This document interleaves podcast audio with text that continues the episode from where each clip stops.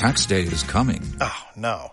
But if you sign up for Robinhood Gold's IRA with a 3% match, you can get up to $195 for the 2023 tax year. Oh, yeah. Sign up at Robinhood.com slash boost by tax day to get the biggest contribution match on the market. Subscription fees apply. Investing involves risk. 3% match requires gold for one year from first match. Must keep IRA for five years. Robinhood Financial LLC member SIPC. Onda Vasca Conecta.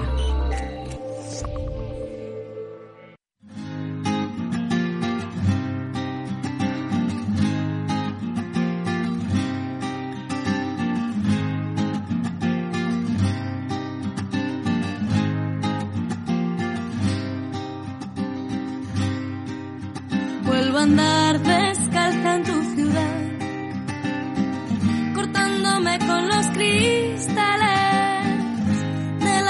que rompí aquel día cuando creía no querer encontrarte. Y ahora camino por las aceras de esta espera interminable, sin saber si coger un tren y escapar o quedarme en el andén a esperarte. Me paro y al mirar hacia detrás brilla el sol en tu portal, los tejados y balcones llora la calle y mueren las flores.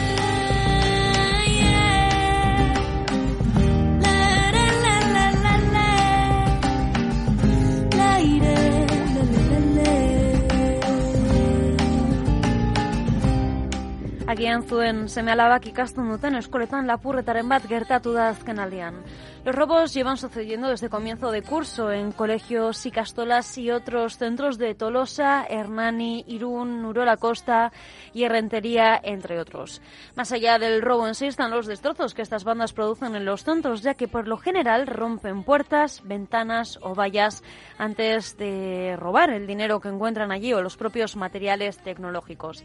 Desde luego, esta oleada preocupa y mucho tanto a docentes como padres y madres, por lo que desde Guipúzcoa, Kale Nagusia, queremos informar de lo que está sucediendo de una forma clara y para ello tenemos con nosotros a Fernando Villimar, jefe de inteligencia de la Jefatura Territorial de Guipúzcoa. Muy buenas, Fernando. Sí, unon, unon Maider. Bueno, estamos hablando de una oleada de robos en centros escolares. Eh, ¿Podrías explicarnos cuándo comenzaron? Mira, esto básicamente es desde el mes de septiembre del año pasado, venimos detectando una serie de robos concretamente en centros de formación, centros de educación a nivel de, sobre todo de, de Guipúzcoa. Uh -huh. Y pues hemos contabilizado, aunque igual en la noticia apuntábamos 29, yo creo que en realidad son unos 34, habíamos contabilizado algunos en la zona de Tolosa, y son 34 desde de la zona de Irún hasta la zona de Tolosa Aldea, pasando por Donosti, Rentería, eh, Hernani, que es la comisaría más afectada con, con 11, 11 delitos, 11 denuncias en relación a centros de educación. Uh -huh. Y después tenemos que también a la zona de, de Irún con, con, unos seis.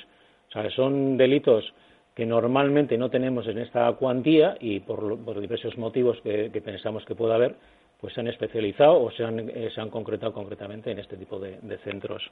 Uh -huh. ¿Y cuál es el modus operandi? El modus operandi es bastante pensamos que son grupos criminales, es decir, personas que ya han planificado previamente, normalmente, ¿eh? son personas que han planificado previamente un poco lo que es, eh, el, han hecho un reconocimiento de la zona, del reconocimiento del centro, previamente unos días antes posiblemente, y acceden, en el caso de que la, eh, el establecimiento del centro tenga algún tipo de, de alarma, algún tipo de conexión a Internet, ellos seccionan o manipulan para cortar un poco la conexión, ¿no?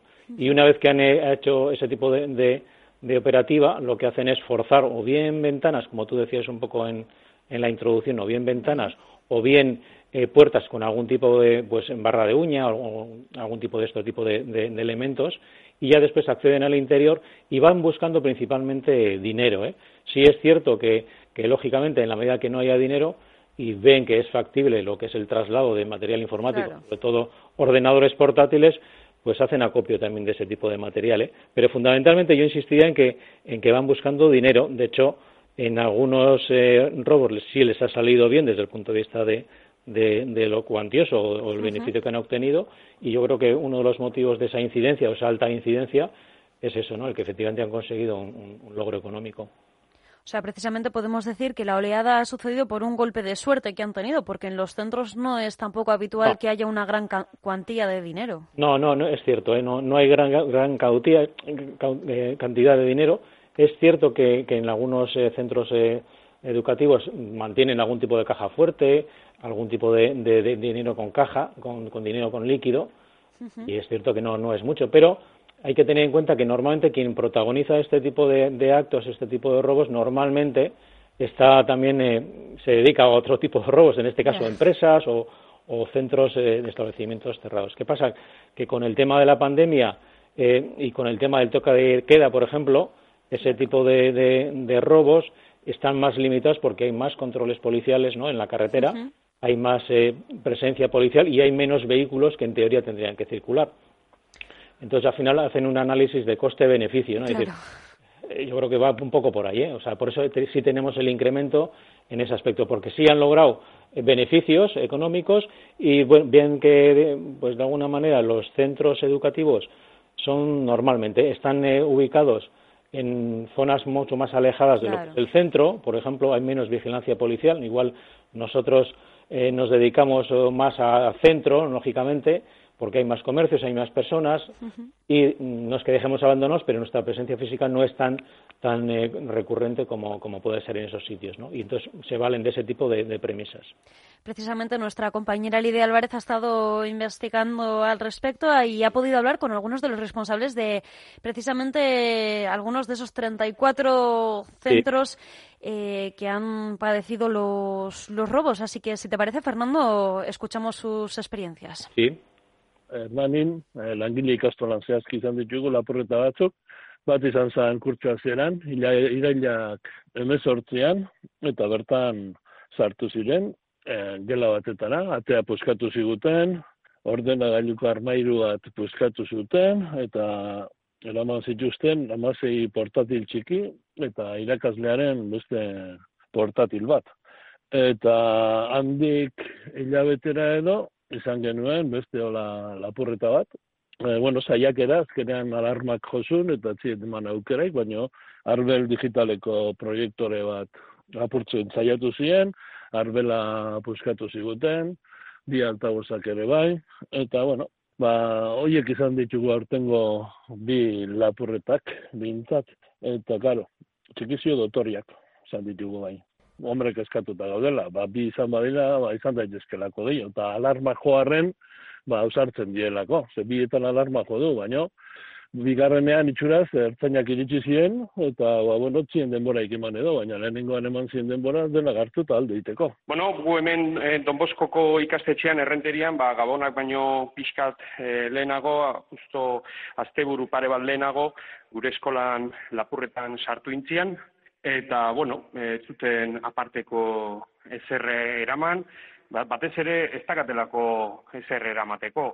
Esaten zutenez, metaliko bila dabiltza, guk hemen diru metalikoik ez dakau, eta kasu hontan behintzat, eh, asko ze okerragoa da, sortzen dituzten kalteak, bai, e, buskatzen dituzten leioak eta kristalak eta gure kasuan, ba, bueno, e, alarma saltatu zen, eskola guztia dana alarmak egin dakau jarria, eta orduan ba, ikustea urduri jarri ziala, eta gauza puskatzen bezala ziziala. Baina berez, e, ez zuten ez eraman. Hombre, e, normala den txala, pues, e, e, keskatzen gara, baina kasuntan, gure kasuan, eskola oso ondila da. Eta sartzeko e, aukera ondila da eskate.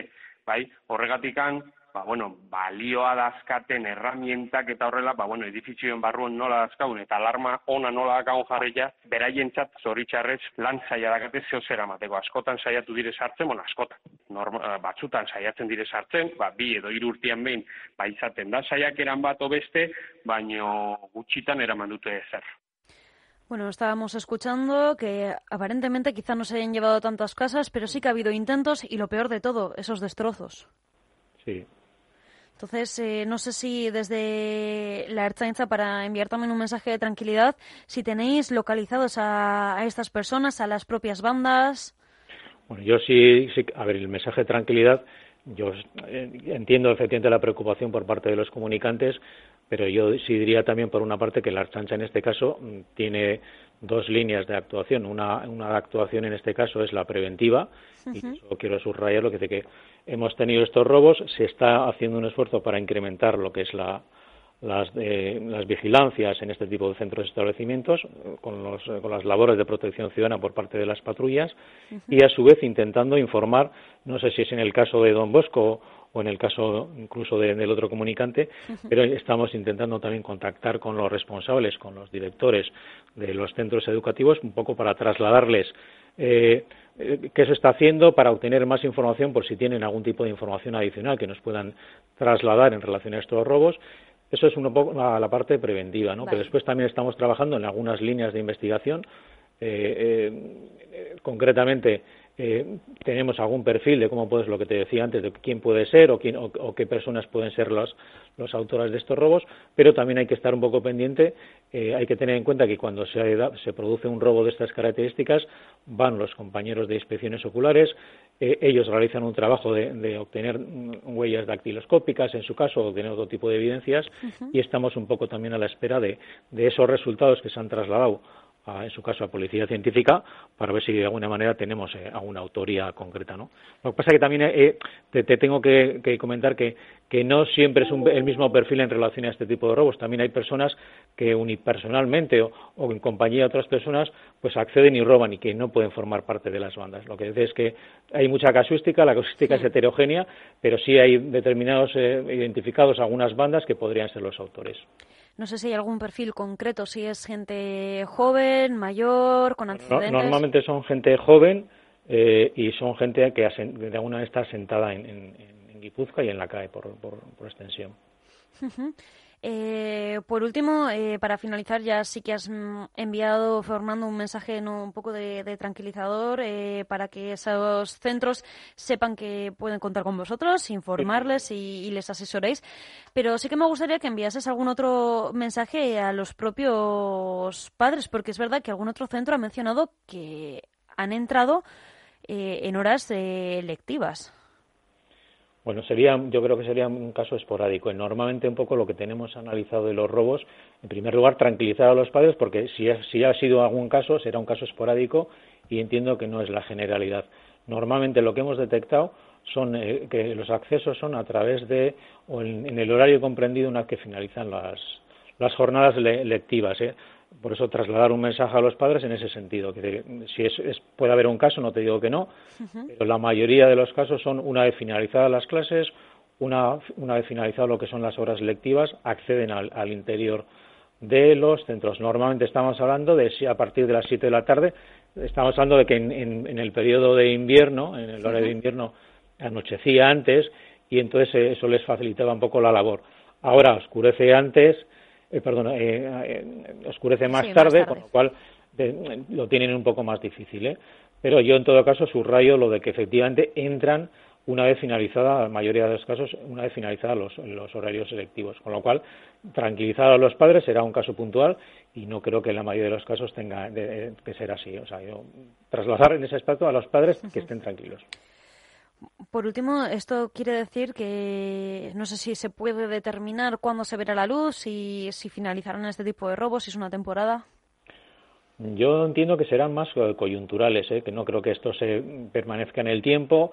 Lo que te decía antes de que, bueno, efectivamente han conseguido eh, rendimientos, después un poco la situación por el tema concretamente del toque de queda favorece que, se, que, pueda haber este tipo de, robos, pero yo, yo creo que va a ser estacional y coyuntural en la medida que todos volvamos a la normalidad, ellos entiendo que, o las personas que se dedican a esto, y en la medida que nosotros, por nuestra parte, vamos a incrementar, por una parte, lo que te decía antes de la prevención, y por otra parte, intensificar aquellas líneas de investigación que tenemos abiertas, yo creo que será coyuntural. Eh, que vamos, eh, yo creo que va a ser así. ¿eh? Pues esperemos que, vea pronto la luz y que esto se acabe cuanto antes. Así que muchísimas gracias, Fernando Villemar, jefe de inteligencia de la Jefatura Territorial de Guipúzcoa, por hacernos un hueco en, el programa en Onda Vasca. A vosotros, Maider, un saludo. Agur. corre como un niño que sueña lo grande creyendo que todo es posible. La nostalgia prefiero dejar para un rato eso de estar triste postales, dejando